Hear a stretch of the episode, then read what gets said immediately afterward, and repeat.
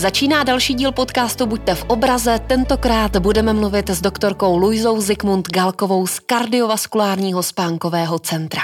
S paní doktorkou jsme ve spojení po telefonu. Dobrý den. Dobrý den. A naše dnešní téma zdraví a kvalitní spánek. Já se úplně na úvod zeptám, proč je tak důležité mít zdravý a kvalitní spánek? No já bych především ne, ne, na začátek chtěla říct, že spánkem tvo, eh, spánek tvoří celou jednu třetinu našeho života. Takže všechno se týká toho, pokud se špatně vyspíme, tak i ten celý další den je pro nás těžký. Je nedílnou součástí našeho života a měli bychom spát zhruba 7 až 9 hodin za den.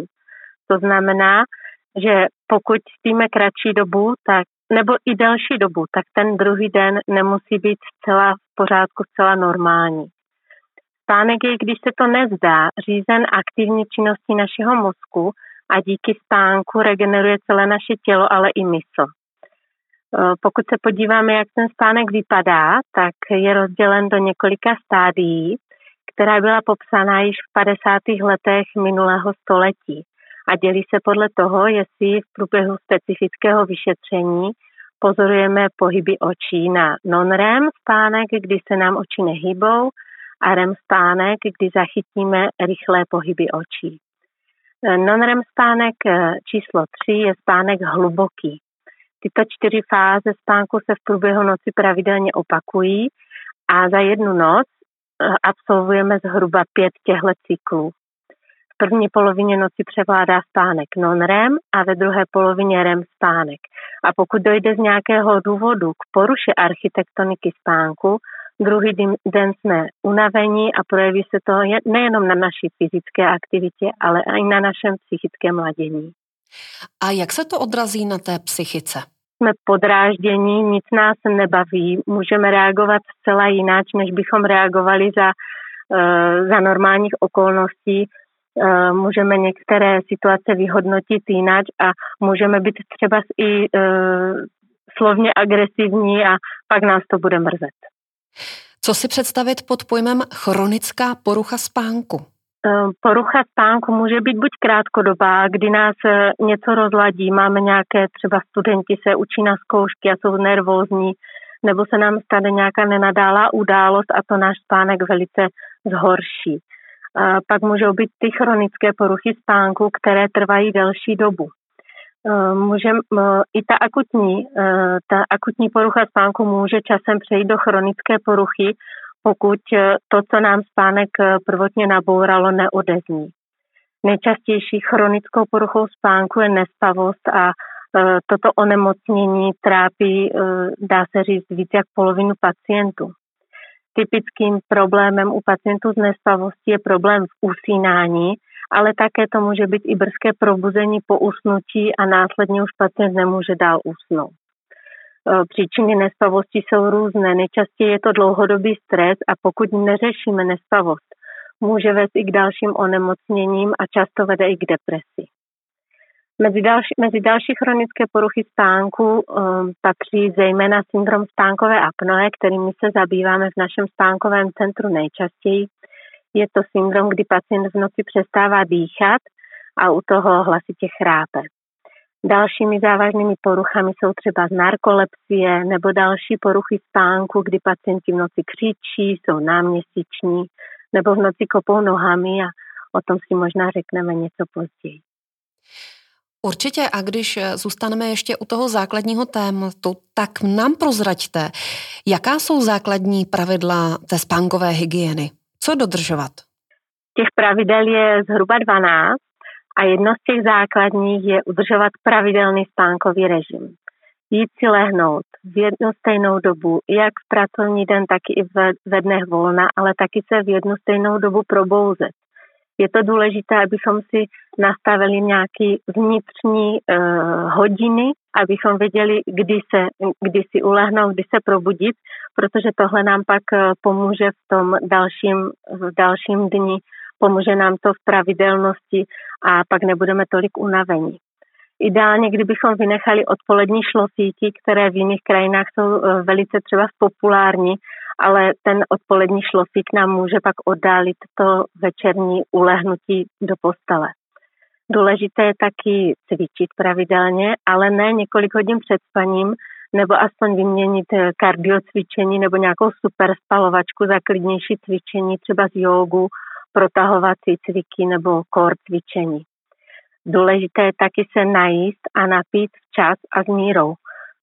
Eh, vynechat před spaním alkohol, nekouřit a taky si nedávat kávičku před spaním. Když vejdeme do ložnice, tak bychom si měli uvědomit, že ta slouží pouze ke spánku a pohlavnímu životu. Ale pokud si chceme třeba před spaním číst knížku, měli bychom to udělat na pohovce nebo v nějakém pohodlném křesle, dívat se na televizi ne z postele, ale z obýváku a jíst spát až tehdy, pokud jsme opravdu unavení. Dalším důležitým pravidlem hygieny spánku je stlumit osvětlení po setmění. Hodinu před spaním bychom měli taky vypnout všechna elektronická zařízení a vytvořit si nějakou rutinu před spaním. Někomu pomáhá teplá vana, jiný si nakape do aromalampy mm, kapky levandule nebo si dá někdo meduňkový čaj před spaním. E, pročítat zprávy celého dne nebo odepisovat na pracovní maily nebo si pustit nejnovější horor e, nám spánek rozhodně oddálí nebo nabourá. Důležité je také si vytvořit takové ideální prostředí pro spánek. Naše ložnice by měla být místem, kam když vejdu, zhluboka se nadechnu, protože jsem předtím vyvětral a zachumám se do peřin, protože v místnosti na spaní má být chladněji, zhruba těch 17 až 19 stupňů. Pak s úsměvem lehnu, někomu třeba pomůžou v ložnici i jemné barvy, přírodní materiály a vzduch nám krásně pročistí rostliny, nebo třeba čistička vzduchu. A jedno z nejdůležitějších pravidel, které se lehce radí, ale těžce plní, je před spaním zbavit se stresu. Prozraďte mi, pokud eh, člověk nechce hned použít prášek nebo nějakou pilulku na spaní, tak eh, máte nějakou techniku, jak se co nejrychleji dostat do toho kvalitního spánku? Děkuji za tuto otázku. To se mě často ptají pacienti je, ta pilka na spaní by měla být jako poslední možnost. Nejdřív bychom měli vyloučit, proč vůbec pacient nemůže usnout. A pokud je možno něco z toho zlepšit, třeba z nějaké psychické ladění nebo uh, něco upravit v rámci té hygieny spánku, tak to je ten základ. Někomu pomohou třeba relaxační techniky, autogenní trénink, e, někomu jinému pomůže nějaká bylinná lázeň, nebo zkouší ty bylinky v nějakých eh, volně prodejných preparátech na spaní a eh, samozřejmě to pomoct může. Ta pilulka by měla být opravdu až poslední možnost. Proč je důležité dodržovat přibližně stejnou dobu, kdy si jdu lehnout a stejnou dobu, kdy potom vstávám? Proč je to tak důležité? Tohle je úplně základní pravidlo spánkové hygieny, protože pokud chodíme eh, spát a vstáváme ve stejnou dobu, jak v pracovním týdnu, tak eh, ve dnech volna, tak si vybudujeme tak, takový ten pravidelný režim a díky němu nebudeme tolik ospalí během dne, protože pokud jednou jdeme spát v 10 hodin, probudíme se v 7, další den máme perfektní a vydržíme až dlouho do noci, tak ten následující spánek je kratší a další den máme nabouraný. A tohle nám stěžuje jak pracovní, tak osobní život. Takže pojďme si zvyknout na to, že si lehneme třeba v 10, v 11, staneme v 6 a ten další den máme krásný a takhle pořád dokola. Takže spát o víkendu do pravého poledne není úplně ideální z vašeho pohledu.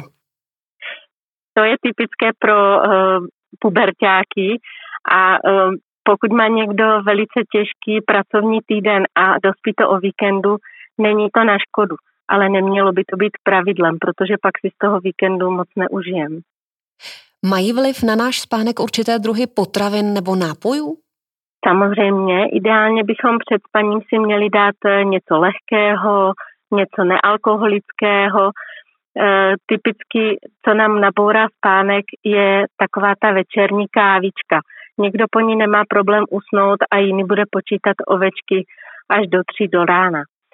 Také nám spánek naruší těžké jídlo, hodně kořeněné jídlo a ti, co uh, mají problém s citlivějším žaludkem, tak ví, že pokud si dají před spaním bohatou pizzu s feferonkami, s cibulí a potřetými okraji česnekem, tak budou mít velice těžkou noc a i to následující ráno bude těžké. Současně i kuřáci, kteří si neodpustí poslední cigaretku před spaním a v noci se probudí a jdou si opět zapálit, tak mají pak veliký problém s usnutím. A co dělat, když se právě člověk uprostřed noci probudí? Jak postupovat? Pokud i hned nezaberu, eh, říká se tak do 20 minut, tak bych měl stát z postele, jít se projít nebo dělat nějakou velice monotonní činnost, něco, co mě opět uspí. Neměl bych otevřít pracovní eh, počítač nebo telefon a řešit něco, co mi na následné usnutí opět oddálí, ale opravdu udělat něco, co mě nudí vysloveně. Sednout si k nějaké knížce nezajímavé, lehké, papírové a pak se zkus, pokusit znovu usnout. Ale jít do postele až tehdy, pokud jsem opravdu unavený. My jsme probírali i to, že pokud člověk nemá kvalitní spánek, tak je rozladěný po té psychické stránce. Ale co se děje po té fyzické stránce? Má to třeba nějaký vliv? Jsou tam nějaké poruchy pohybu a tak dále? Samozřejmě, pokud je ten spánek dlouhodobě nekvalitní, tak to má vliv eh, i na naše zdraví a velice významný. U pacientů, kteří v noci uh, mají nějaké poruchy spánku, poruchy dýchání ve spánku nebo nějakou jinou uh, nemoc souvisící se spánkem, tak uh, vidíme často vyšší výskyt jak kardiovaskulárních onemocnění, onemocnění srdce a cév, nejčastěji hypertenze, vysokého krevního tlaku, tak u těchto pacientů vidíme i vyšší výskyt cukrovky. Můžou to být i další onemocnění, a mm, tito pacienti často pak až zpětně přijdou na to, že tím, že se můžou víc vyspat, tak možná i ta jejich základní onemocnění se zlepší. Kromě chronické nespavosti existuje i opačný protipol a to je nadměrná spavost. Co ji způsobuje a co to znamená? Nadměrná denní spavost je, pokud spíme opravdu déle než těch 9-10 hodin denně. U některých lidí vidíme takzvanou extrémní periodickou hypersomnolence. To je, když lidi spí více jak 16-18 hodin za den. Tyto ataky trvají nejčastěji víc než 4 týdny, to, uh, bývají často po sobě 10 dnů a uh, pacienti jsou zmatení, můžou mít halucinace. Mimo tyhle ataky jsou zcela bez potíže, ale tohle je už onemocnění. Dalším z nejčastějších eh, onemocnění s nadměrnou denní spavostí je narkolepsie. To je onemocnění, které není až tak časté, to se týká výskytu u obyvatel. Je to 2 až 5 osob na 10 tisíc eh, obyvatel, avšak eh, pacienty, pacientům velice stěžuje jejich život. Pacienti si stěžují, že během dne mají buď periody jenom ospalosti u monotonních činností, ale taky můžou mít eh, mm, události neodolatelného nutkání ke spánku, kdy prostě usnou během porady, během mluvení, během žehlení, u běžných činností. Eh, ten spánek trvá jenom několik minut a může být osvěžující, často se jim u toho zdají i sny, nicméně po těch deseti minutách se probudí a po chvíli zase cítí tuhle ostalost nebo, nebo uh, nutkání ke spánku. Tyhle události můžou mít několikrát za den, ale může to být jenom zvítka kdy. U pacientů s narkolepsií někdy vydáme i takzvanou kataplexii, kdy dochází ke snížení svalového tonu a pacient může upadnout. Podlomí se mu kolena a je to velice nebezpečné. Eh, pokud jde o léčbu, tak eh, ta léčba u pacientů s narkolepsií vždycky spadá do rukou neurologa. Eh, je důležité u těchto lidí dodržovat pravidelný denní rytmus, dává, dává se jim kofein a další specifické léky a tu léčbu opravdu uh, řeší neurolog. Může jim uh, jejich onemocnění zmírnit, ale narkolepsie se vylečit nedá. A často může být i dědičná, pokud někdo v rodině narkolepsii trpěl, tak je vyšší pravděpodobnost, že ji budu mít i já. Dalším tématem je náměsíčnost. Jak se s tímhle problémem dá žít? A co to způsobuje? Náměsíčný těhotenství je typické opakovanými událostmi takzvaného automatického chování nebo jednání a vzniká po nezvyklém probuzení z jedné specifické fáze spánku. U malých dětí bývá časté, ale pokud je velmi časté, tak už je to onemocnění. Pokud náměsíčnictví přetrvává i v dospělosti, tak se často může vyskytovat u pacientů, kteří mají poruchu osobnosti. Ovšem může být i zcela e, neškodné, ale musíme u lidí z náměsíčnictví být e, obezřetní, protože hlavním e, základem pomoci pacientovi z náměsíčnictví je zabránit, aby se poranil. Může, e, používají se také některé léky, které zejména omezují to noční probouzení, protože e, pacient je náměsíční pouze tehdy, pokud se ne, e, probudí v neočekávanou dobu, když je náhle probuzen. Ale on vlastně i během toho, během tě, té činnosti, co pak vykonává, spí, takže bychom ho měli nechat uložit ho zpátky do postele nebo mu zabránit, aby se poranil, protože on vůbec neví, co dělá v tu chvíli. Paní doktorko, a chci se zeptat ještě, a klidně můžete být eh, stručná, protože předpokládám, že to není až tak obvyklý problém, ale co spánková paralýza, co to znamená? Spánková paralýza je, eh, je eh, děj, který nám nastane, pokud se někdo náhle probudí nebo, nebo usíná. Je to děj, kdy mám pocit, že uh, se dusím nebo ne, uh, se mně něco děje, ale já proto nemůžu nic udělat. Je zřídkavá, ale může se vyskytovat častěji u pacientů s narkolepsií. Je to pocit neschopnosti pohybu, i když já mám pocit, že jsem vzhůru, ale nemůžu nic udělat. A když se ještě vrátím k tomu syndromu spánkové apnoe, je tam opravdu ten největší problém to, že ten člověk chrápe? Ne, ne, ne. Chrápání je pouze zvukový efekt, který e, pacienta nijak eh, na zdraví neohrožuje. Problémem jsou ty přestávky v dýchání v průběhu spánku, které jsou e, velice časté, bývají velice dlouhé a díky tomu, že pacient nedýchá, tak u něj dochází k významným poklesům hladiny kyslíku v krvi ve spánku. A tyhle opakující se spánkové události a poklesy a vzestupy hladiny kyslíku nám zhoršují srdeční činnost mají vliv na uh, různá, uh, jak na mozek, tak na srdce i na ostatní orgány našeho těla. Takže chrápání je něco jiného než spánková apnoe. Pacient ze spánkovou apnoe často chrápe, ale ne každý pacient, který chrápe, musí taky trpět syndromem spánkové apnoe. Postihuje tento syndrom muže i ženy? Ano, spánková apnoe postihuje muže i ženy, ale muže častěji, zejména uh, ty obézní, ale vydáme samozřejmě i mladé, i hubené pacienty ze spánkovou apnoí, kde pak uh, svou roli hraje především genetika.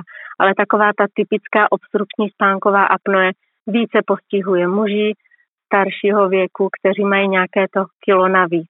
Jak se to dá řešit?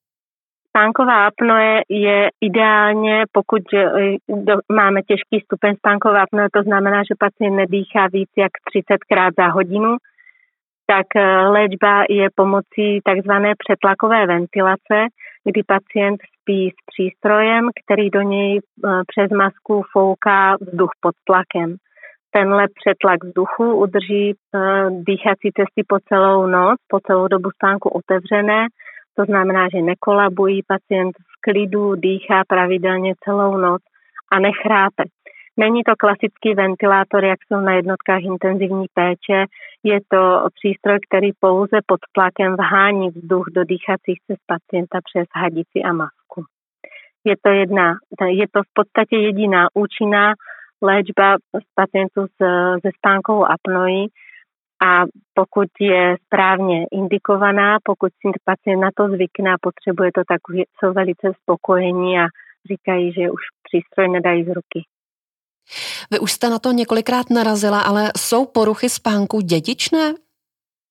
Některé mohou být, ano, zrovna syndrom spánkové apnoe je dědičný, také i na měsíčnictví může mm, být dědičné, ale třeba nespavost, tak ta s dědičností nemá moc společného.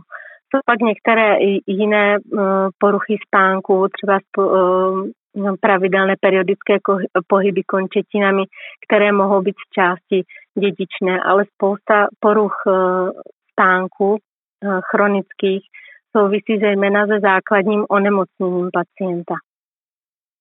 Jaký vliv na kvalitu spánku má náš věk? Postupujícím narůstajícím věkem i kvalita spánku se zhoršuje. Když si vezmeme děti, tak třeba znovorozenec prospí i 16 až 20 hodin denně.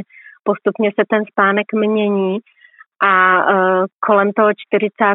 roku života se nejčastěji setkáváme s, se zhoršením kvality spánku. E, taktéž poruchy spánku jsou častější ve vyšším věku. E, v, ve vyšším věku se snižuje počet těch hlubokých fází spánku a starší lidé taky častěji trpí nespavostí. Takže ano, se stoupajícím věkem se kvalita spánku zhoršuje. Mám tady další téma a to jsou sny, snění. V jaké fázi spánku se objevují sny a můžu je ovlivnit? Sny se vyskytují ve všech fázích spánku. Mm, převážně jsou teda ve druhé polovině spánku a pokud nás někdo probudí v té takzvané uh, rych, uh, fázi s rychlými pohyby očí v REM spánku, tak si většinou ten sen i pamatujeme a i ty živé sny jsou častější po probuzení z REM spánku. Avšak sen jako takový je nějaký odraz toho, co jsme předtím zažili nebo co zrovna prožíváme. Je to takové zrcadlo našeho emočního ladění. Ve snu můžeme prožít eh, v podstatě cokoliv a může být velice iracionální a ne vždy ten sen má eh, konkrétní výpovědní hodnotu, ale může se v něm samozřejmě odrazit to, co se nám aktuálně děje. A ne všichni s ní prožíváme. Je to velice individuální.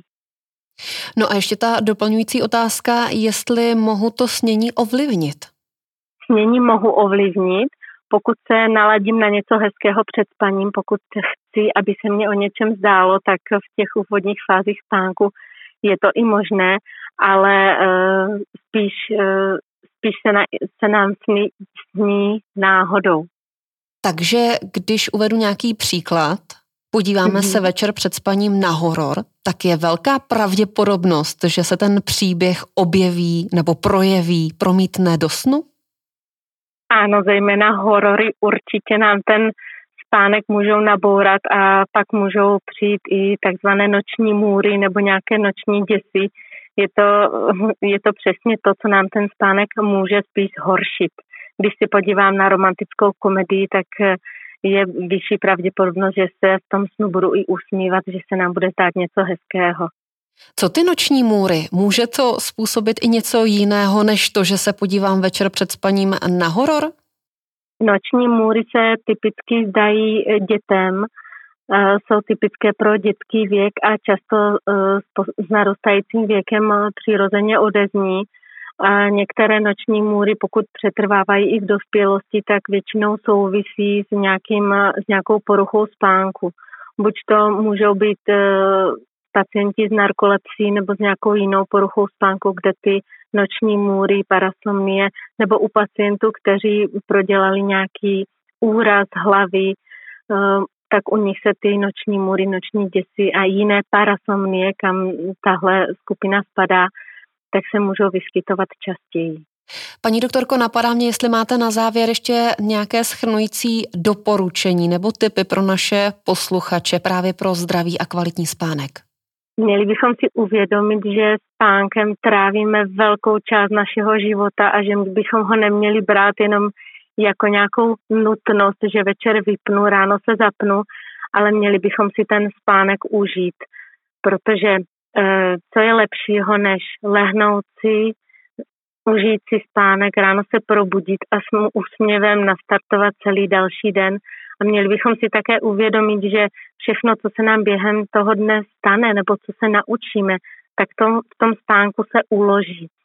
A pokud spíme pravidelně, spíme kvalitně v příjemném prostředí a e, probudíme se do dalšího dne s dobrým pocitem po skvělém spánku, tak to je to, co nás nakopne a co nám zpříjemní jak osobní, tak i profesní život.